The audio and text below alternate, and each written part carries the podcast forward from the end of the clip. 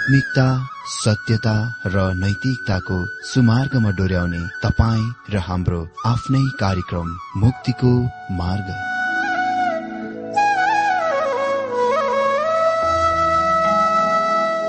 आदरणीय श्रोता यस मुक्तिको मार्ग कार्यक्रममा हार्दिक स्वागत छ।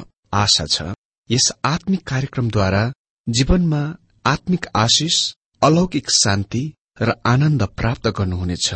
र जीवनमा धन्य अनुभव गर्नुहुनेछ।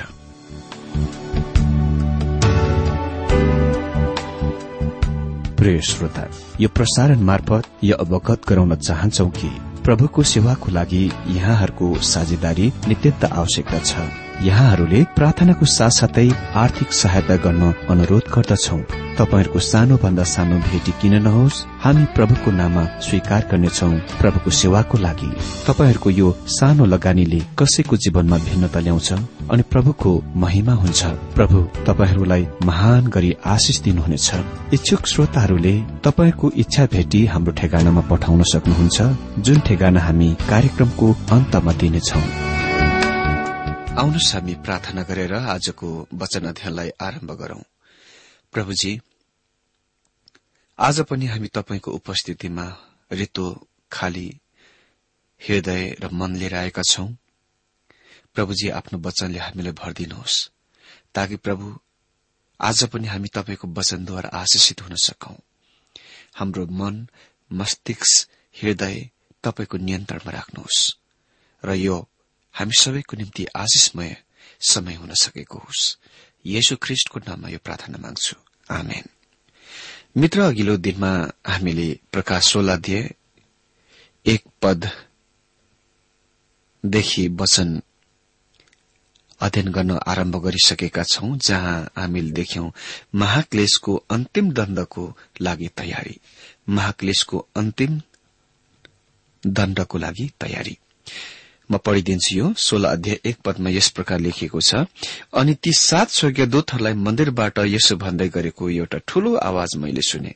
जाओ र परमेश्वरका क्रोधका कचौराहरू पृथ्वीमाथि खन्याओ त्यसपछि आज हामी सोह्र अध्याय दुईदेखि बाह्र पदसम्मबाट वचन देख्नेछौ। यहाँ हामी सर्वप्रथममा देख्छौ पहिलो कचौराको खने सोह्र अध्याय दुई पदमा भनिएको छ अनि पहिलो चाहिँ गए र पृथ्वीमाथि आफ्नो कचौरा खनियाए। अनि त्यस पशुको निशान लिने र त्यसको मूर्तिलाई पूजा गर्ने मानिसहरूमा खराब र कष्टपूर्ण घाउ खटेर निस्क्यो। भिन्सेन्टले नयाँ नियममा अध्ययनहरू नामक पुस्तकमा लेख्छन् प्रत्येक स्वर्गीय दूतहरू जब त्यसको पालो आउँछ स्वर्गीय दृश्यबाट निस्कि आउँदछन् अर्को शब्दमा स्वर्गीय दूतले स्वर्गीयमा कृपाको आसन स्थानलाई छोड्दछ र दण्डको कार्यान्वित गर्दछ। उसले स्वर्गीय छोड्दछ र पृथ्वीमाथि क्रोधको दण्डको कचौरा खन्याउँदछ। दण्डको पहिलो कचौरा एकदम चाखलाग्दो छ। यो यस्तो देखिन्छ कि परमेश्वर ख्रिस विरोधीको अनुयायी वा पछ्याउनेहरूमाथि जीवाणु युद्धमा हुनुहुन्छ वा त्यसमा क्रियाशील हुनुहुन्छ। शास्त्रले भन्दछ कि प्राणको जीवन रगतमा हुन्छ र रगतमा मृत्यु पनि हुन्छ। यी सड्ने वा कुहिने घाउहरू कोर वा क्यान्सर भन्दा खराब हुन्छ। मानिसले जब एउटा रोगको उपचार र समाधानको उपाय पत्ता लगाउँछ त्यो भन्दा डरलाग्दो खतरनाक अर्को रोग निस्कि आउँछ प्रकट हुँदछ। यी परमेश्वरका दण्डहरू हुन् जुनद्वारा उहाँले प्रकट गरिदिनुहुन्छ कि मानिस नैतिक रूपमा के हो अर्थात पूर्ण रूपमा भ्रष्ट। क्रोधको पहिलो कचौरा मिश्रमा छैटौं महामारीसँग दाजिन योग्यको छ र उही एकै नासे घाउवा पिलो हो। प्रस्थान नौको आठदेखि बाह्र पद अनुसार। यो कुराको नोट गर्न चाखलाग्दो कुरा छ कि मोसाले यस्तै एकै नासे मिल्दोजुल्दो प्रकारको इसरायलमाथि आइरहेको दण्डको भविष्यवाणी गरेथे। यो अहिलेसम्म पूरा भएको छैन। यो भविष्यवाणी व्यवस्था अठाइसको सत्र पदमा पाइदछ। तर आज मैले तिनीहरूलाई दिएका र परमप्रभु तिनीहरूका परमेश्वरका सबै आज्ञा र विधिहरू होसियार साथ मानेर उहाँको वचन पालन गर्यो भने यी सबै श्राप तिमीहरूमाथि पर्ने छैन। अहिले तिनीहरूका तालिका सूची यहाँ छन्। व्यवस्था अठाइस अध्यय सताइस पदमा भनिएको छ निको हुन नसक्ने गरी परमप्रभुले तिमीहरूलाई मिश्रमा पीला गिर्खा छालामा जलजलाउँदा फोकाहरू र चिलाउने व्याथाहरूले प्रहार गरिदिनुहुनेछ। व्यवस्था अठाइस सय पैंतिस पद अनुसार यी रोगहरू निको हुन नसक्ने रोगहरू हुन्।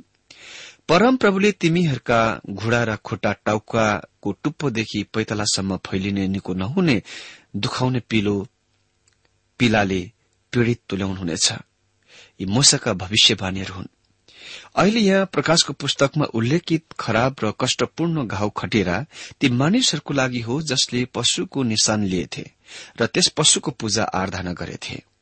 हामीले पहिले नै देखिसकेका छौं कि ती मानिस जसले पशुको निशान लिन अस्वीकार गर्दथे तिनीहरू अति नै खराब स्थितिमा पनि जानु पर्दथ्यो तिनीहरूले किन र बेच गर्न सक्दैनथे? यदि कुनै मानिससँग त्यस समयमा भोकले मरिरहेको परिवार छ भने बजारको राशन दोकानमा गएर आफ्नो परिवारको लागि केही मुठी अन्न चुडाए वा निकाले वा निकाल्दछ भने म उसलाई दोष चाहन्न। यो ती मानिसहरूको निम्ति निराशजनक र अति नै गम्भीर समय हुन गइरहेको छ जसले पशुको निशान लिन अस्वीकार गर्दछन्। तर अहिले यहाँ क्लेशको अन्तमा ती मानिस जससँग त्यस पशुको निशान छ जसले त्यस समयमा यस निशान लगाईबाट तमाम सुविधाहरू सुख भोग गरेथे पाएथे अहिले तिनीहरूलाई परमेश्वरद्वारा दण्ड दिइनेछ। त्यो दण्ड अति नै भयानक छ। मित्र यसै प्रसंगमा म एकजना महान प्रभुको जनको कथन यहाँ प्रस्तुत गर्न चाहन्छु जो घाँटीको क्यान्सरले पीड़ित हुनु भएको थियो। उहाँको कुरा सुन्नुहोस्। मैले सधैँ यो विचार गरे महसुस गरे कि मेरो क्यान्सर परमेश्वरबाटको दण्ड थियो। म आज अझै पनि त्यस्तै सोच्दछु। परमेश्वरले मलाई चंगाई गर्नुभएको तथ्य चाहिँ यो हो कि उहाँले मलाई क्षमा दिनुभयो र तत्पश्चात उहाँले मेरो महान सेविकाय दिनुभएको छ। म त्यसमा आनन्द गरिरहेको छु रमिरहेको छु। तर महाक्लेश अवधिमा यो भयंकर खटिराको घाउको परमेश्वरको दण्ड जुन सम्भवत क्यान्सर भन्दा पनि अति नै खराब छ मानिसहरूलाई परमेश्वर कहाँ फर्कन कति पनि प्रेरित गर्दैन विवश गराउँदैन।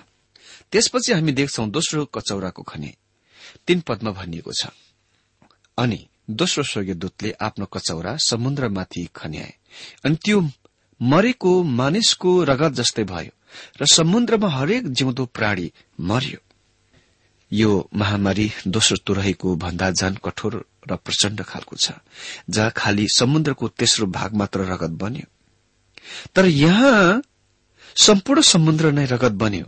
अनि त्यो रगत मारिएका मानिसहरूका हुन्। रगत जीवनको चिनो हो। लेबी सत्रको एघार पदमा लेखिएको छ जीवधारीको प्राण त्यसको रगतमा हुन्छ। समुद्र जीवनको विशाल महान जल सया हो वा भण्डार हो। यो जीवनसँग परिपूर्ण छ भरिएको छ जीवनको स्रोत हो। तर यो महामारीमा रगत मृत्युको चिनो हो। समुद्र जीवनको गर्भ हुनको सट्टामा मृत्युको चिहान बन्दछ। सफा मन्द वायुहरू समुद्रको सत्थमा र समुद्रको किनारमा तैरिरहेको मुर्दा सिनोहरूबाट दुर्गन्ध बन्दछ त्यो एकछिनपछि खड़ा हुन नसक्ने गरी बिमारी पार्ने ती लासहरूबाट दुर्गन्ध आउँदछ। वाणिज्य व्यापारहरू चल्न नसक्ने भएको छ। पक्षघात भएको छ। मानिसहरू झिंगाहरू जस्तै मरे। मिश्रमा पहिलो महामारी नील नदीको पानीहरू रगतमा परिवर्तन थियो। प्रस्थान सात अध्यय बीसदेखि पच्चिस पदमा यो तपाईँ देख्नुहुन्छ। मित्र म यस कुरामा सोच्दै छक्कै पर्दछु हामी कति धेरै आज परमेश्वरमाथि आश्रित छौं।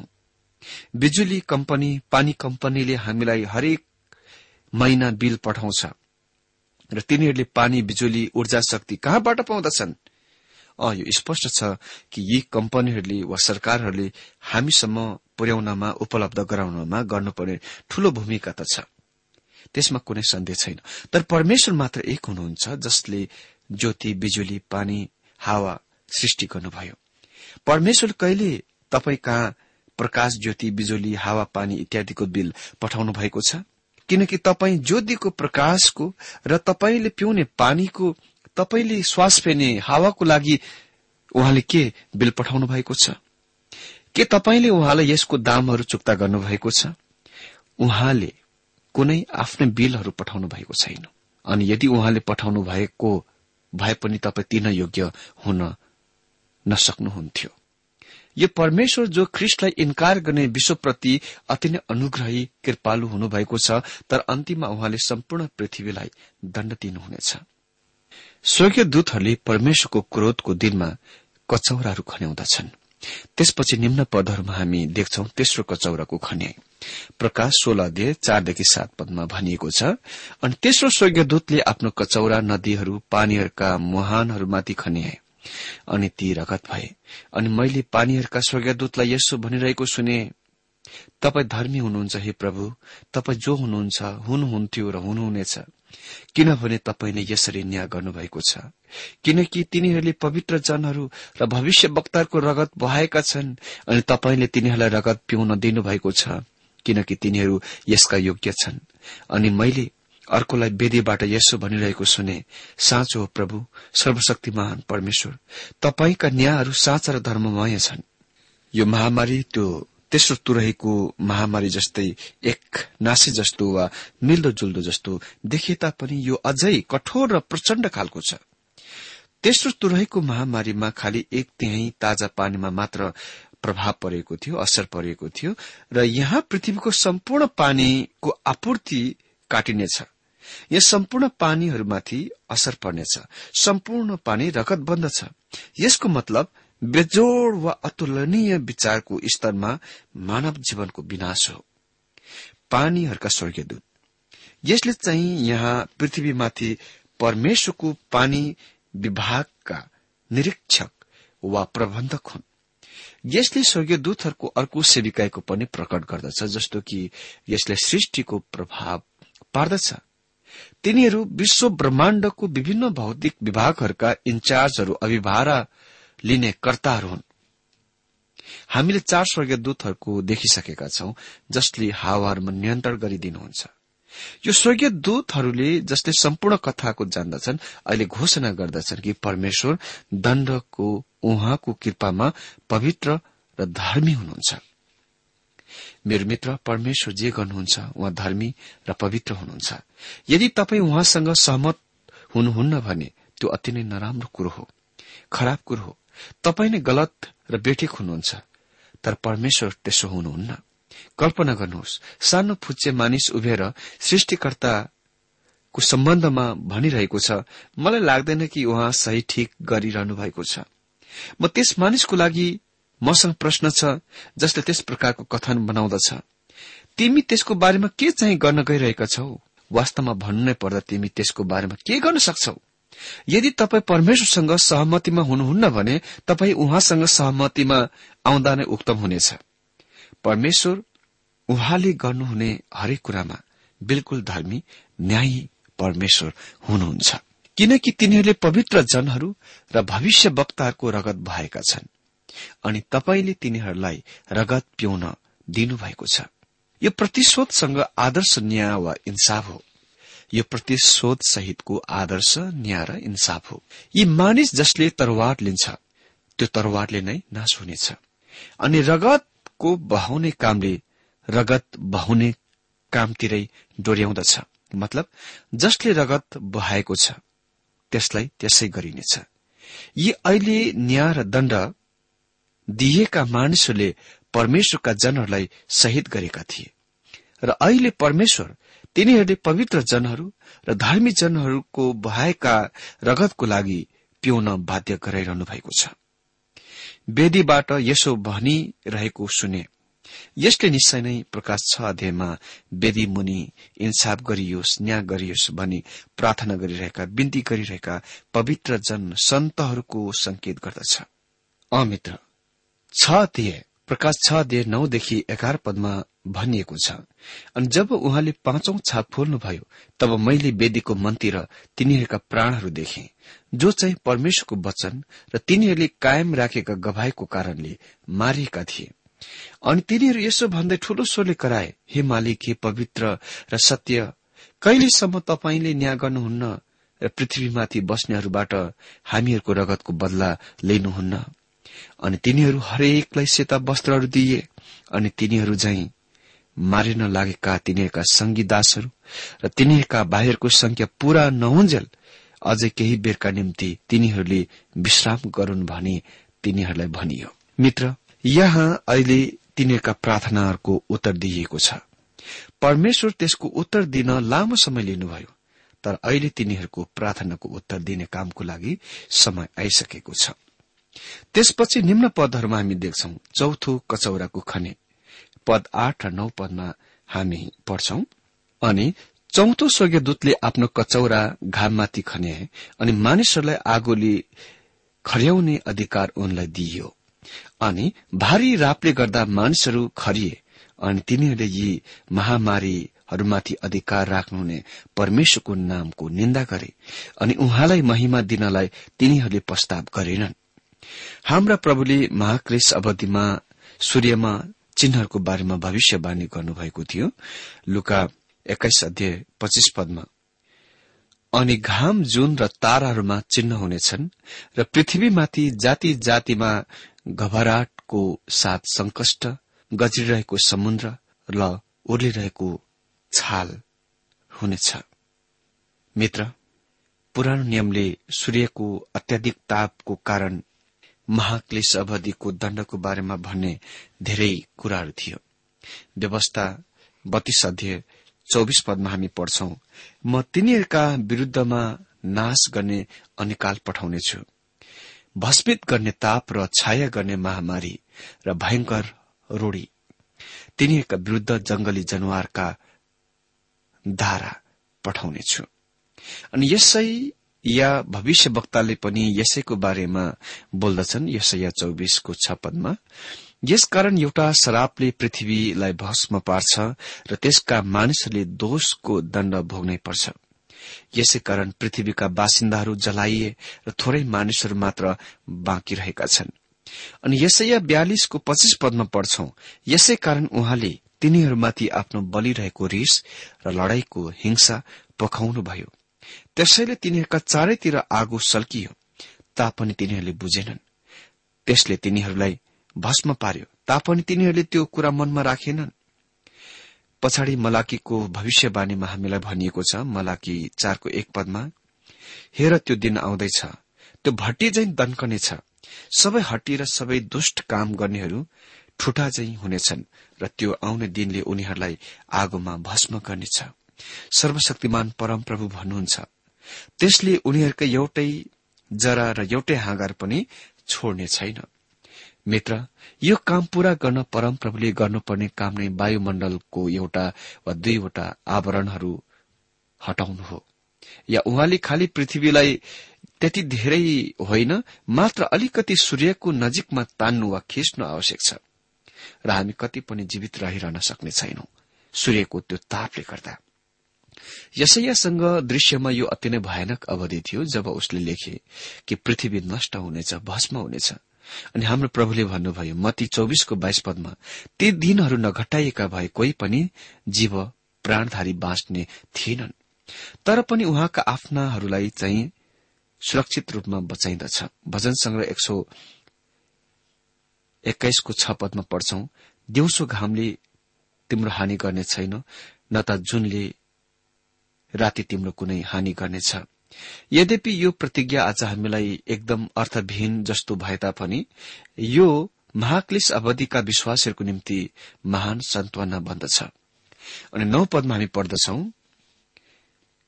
अनि भारी रापले गर्दा मानिसहरू खरिए अनि तिनीहरूले यी महामारीमाथि अधिकार राख्नुहुने परमेश्वरको नामको निन्दा गरे अनि उहाँलाई महिमा दिनलाई तिनीहरूले प्रस्ताव गरेनन्। यी तमाम कुराको बावजुद कृपाको लागि परमेश्वरका फर्कनको सट्टामा तिनीहरूले उहाँको नाम इन्कार गरे निन्दा गरे। यसले यो प्रकट गर्दछ कि मानव हृदय जाति नहुने दुष्ट र भ्रष्ट छ। जति धेरै दण्ड र सजाय दिइयोस् यसलाई शुद्ध गर्न र त्यसलाई परिवर्तन गर्ने छैन। त्यसकारण महाक्लेश चर्चको शुद्धिकरणको लागि होइन। त्यसकारण कहीँ पनि त्यो कुरा भनिएको छैन। कि परमेश्वरका सन्तहरू वा पवित्र जनहरूलाई महाक्लेशद्वारा शुद्ध गरिनेछ। बरु यो पृथ्वीमाथि परमेश्वरको दण्ड हो। त्यसपछि निम्न पदहरूमा देख्छौ पाँचौं कचौराको खनी। दश र एघार पदमा भनिएको छ अनि पाँचौं स्वर्गीय दूतले आफ्नो कचौरा त्यस पशुको सिंहासनमाथि खन्याए अनि त्यसको राज्य अन्ध्यारो भयो अनि तिनीहरूले पीड़ाले गर्दा आफ्ना जिब्राहरू चपाए अनि तिनीहरूका पीड़ाहरू र घाउ खटिराहरूले गर्दा स्वर्गीयका परमेश्वरले निन्दा गरे। तर आफ्ना कामहरूबाट प्रस्ताव गरेनन्। स्वर्गीयका परमेश्वरको तिनीहरूले निन्दा गरे तर आफ्ना कामहरूबाट प्रस्ताव गरेनन्। त्यस पशुको सिंहासन यसले यो एकदम स्पष्ट पार्दछ। तेह्र अध्यायको पहिलो पशु मानिस हो। उसले राज्यको पनि प्रतिनिधित्व गर्दछ किनकि तपाई राज्य बेगर राजाको पाउन सक्नुहुन्न। त्यसको राज्य अन्ध्यारो भयो। यसले चाहिँ अन्धकारको संकेत गर्दछ जुनलाई हामी कालो ज्योति भन्न सकिन्छ। हामी त्यससँग हाम्रा दिनमा चिरपरिचित छौं। त्यो भयानक कुरा हुनेछ। जबकि सूर्यका वाटहरू बढ्दछ वृद्धि हुन्छ त्यो ज्योतिमय उज्यालो हुनको सट्टामा अन्ध्यारो कालो कालो हुँदछ। ताप अधिक विशाल महान हुनेछ तर ज्योति चाहिँ कम हुनेछ। नवौं महामारीको अवधिमा मिश्रको अन्धकारसँग यसको समानताको नोट गरौं टिपोट गरौं। पुरानो नियमका भविष्य वक्ताहरूसँग त्यो आइरहेको अन्धकारको बारेमा भन्ने कुरा धेरै थियो। यसै साठी अध्याय दुई पदमा हामी पढ्छौं हेर अन्ध्यारोले पृथ्वीलाई घोर अन्ध्यारोले मानिसहरूलाई ढाकेको छ। तर परमप्रभु तमाथि चम्कनुहुन्छ र उहाँको महिमा तमाथि प्रकट हुन्छ। त्यसपछि युवल दुई अध्याय एक र दुई पद र एकतीस पदमा पनि पढ्छौं। सियोनमा तुरै फुक मेरो पवित्र डाँडामा चेतावनीको ध्वनि बजाऊ। देशमा बस्ने सबै थरथर काम हुन् किनकि परमप्रभुको दिन आउँदैछ त्यो नजिकै छ। अन्धकार र उदासीन दिन बादल र बाक्लो अन्धकारले ढाकेको दिन पर्वतहरूमा प्रभातहरू थैले झै एक ठूलो र शक्तिशाली सेना आउँदछ। त्यस्तो अघि कहिले भएको थिएन न त फेरि पुस्ता पुस्तासम्म कहिले हुनेछ। परमप्रभुको त्यो महान र भयंकर दिन आउनभन्दा अघि सूर्य अन्ध्यारोमा र चन्द्र रगतमा परिवर्तन हुनेछ। यी दुई भविष्य वक्ताहरूका अतिरिक्तमा वा नहुमले यसको उल्लेख गर्दछन्। आमसले यसको उल्लेख गर्दछ अनि सफनियाले पनि यसको उल्लेख गर्दछ। अहिले प्रेरित युवाना खालि यही मात्र भनिरहेको छ। यो महाक्लेश अवधि नै त्यो स्थान हो जहाँ यी भविष्य वक्ताहरू परमेश्वरको कार्यक्रममा फिट हुँदछन्। अनि हाम्रा प्रभु स्वयंले यसको पुष्टि गर्नुभयो। जब उहाँले भन्नुभयो मर्कुस तेह्रको चौबिस पदमा तर ती दिनहरूमा त्यो संकष्टपछि सूर्य अन्ध्यारो हुनेछ र चन्द्रमाले आफ्नो उज्यालो दिने छैन।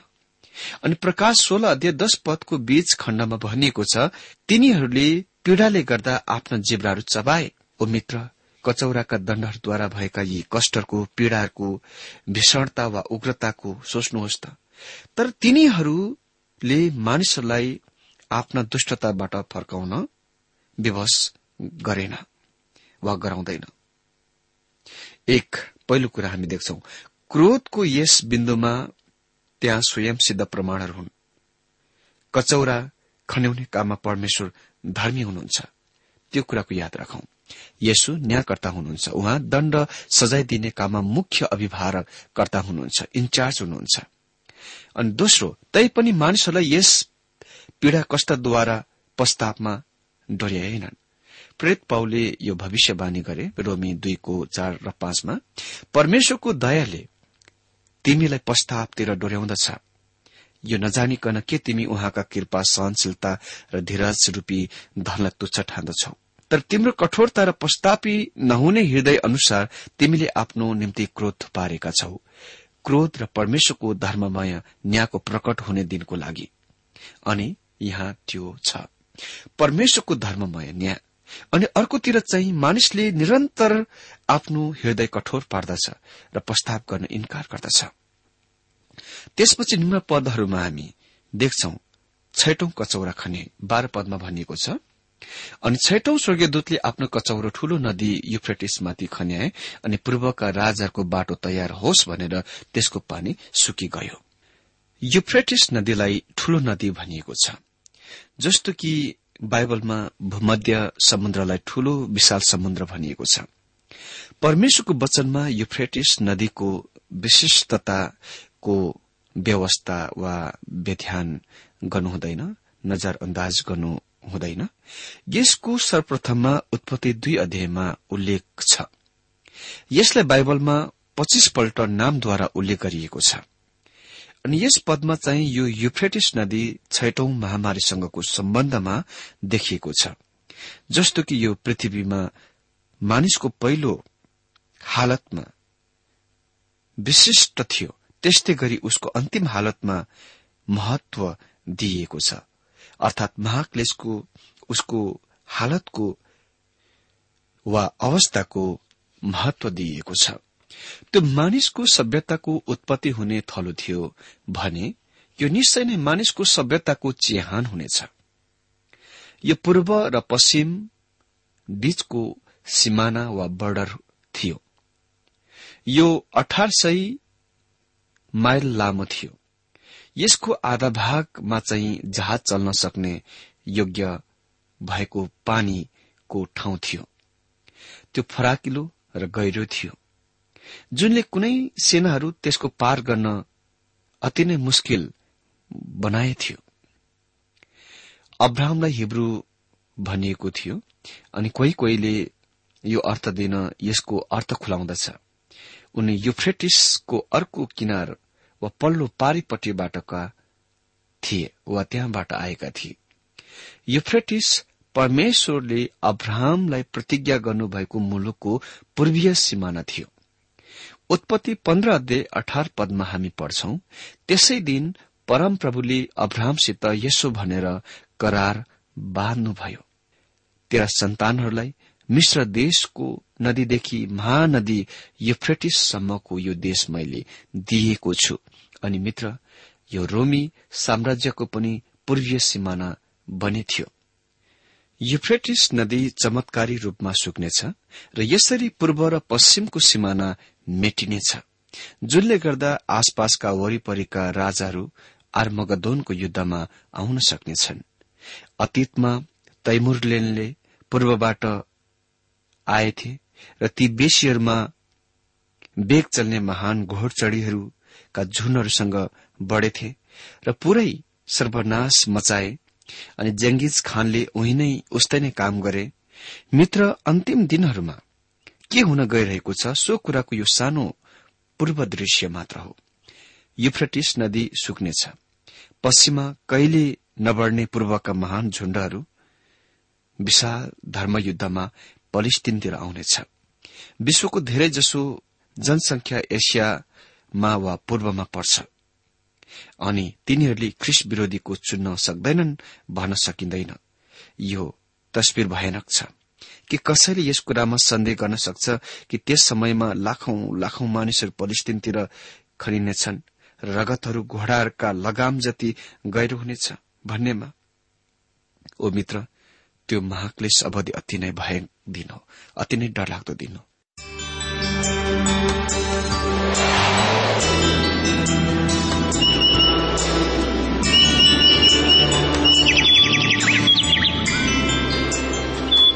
प्रिय श्रोता अहिले भर्खरै तपाईँले टीडब्ल्यूआर नेपालद्वारा संचालित आत्मिक कार्यक्रम मुक्तिको मार्ग सुनिरहनु भएको थियो। श्रोता आजको यो कार्यक्रम सुनेर तपाईँलाई कस्तो लाग्यो? यदि यो कार्यक्रम सुनेर मनमा कुनै खुल्दुली वा कुनै प्रतिक्रिया अर्थात सुझावहरू छन् भने हामीलाई पत्रद्वारा लेख्न सक्नुहुनेछ। हामी हृदयदेखि नै स्वागत गर्नेछौ स्वीकार गर्नेछौ साथै बाइबल सम्बन्धित प्रचारहरू कार्यक्रम सारणीहरू हामी अनुरोधमा पठाउन सक्छौ। अनि तपाईँसँग कुनै प्रार्थनाको विषय छन् भने हामीले तपाईँको लागि प्रार्थना गरेको चाहनुहुन्छ। चाहनुहुन्छ भने प्रभुमा आफ्नै परिवार सम्झेर हामीलाई पत्रमा लेख्न सक्नुहुनेछ। तपाईँको लागि हामी प्रभु येशुसँग प्रार्थना गर्नेछौ। अधिक जानकारी र पत्रचारको लागि हाम्रो ठेगाना यस प्रकार छ। कार्यक्रम मुक्तिको मार्ग जीपीओ नम्बर उनानब्बे पचहत्तर इपिसी पच्चिस एकसठी काठमाडौँ। ठेगाना एकपल्ट सुन्नुहोला। कार्यक्रम मुक्तिको मार्ग जीपीओ नम्बर उनानब्बे पचहत्तर इपिसी पच्चिस एकसठी काठमाडौँ। हाम्रो इमेल एड्रेस हो TWR Nepal at Yahoo dot com साथै यस नम्बरमा एसएमएस गर्न सक्नु सक्नुहुनेछ। अन्ठानब्बे चार सत्तरी पैतिस छ सय उनासी नौ आठ चार सात जिरो तीन पाँच छ सात नौ। हुन्छ श्रोता आजलाई हामी विदा चाहन्छौ। अर्को कार्यक्रममा हामी पुनः भेट्नेछौ। तबसम्मलाई नमस्कार।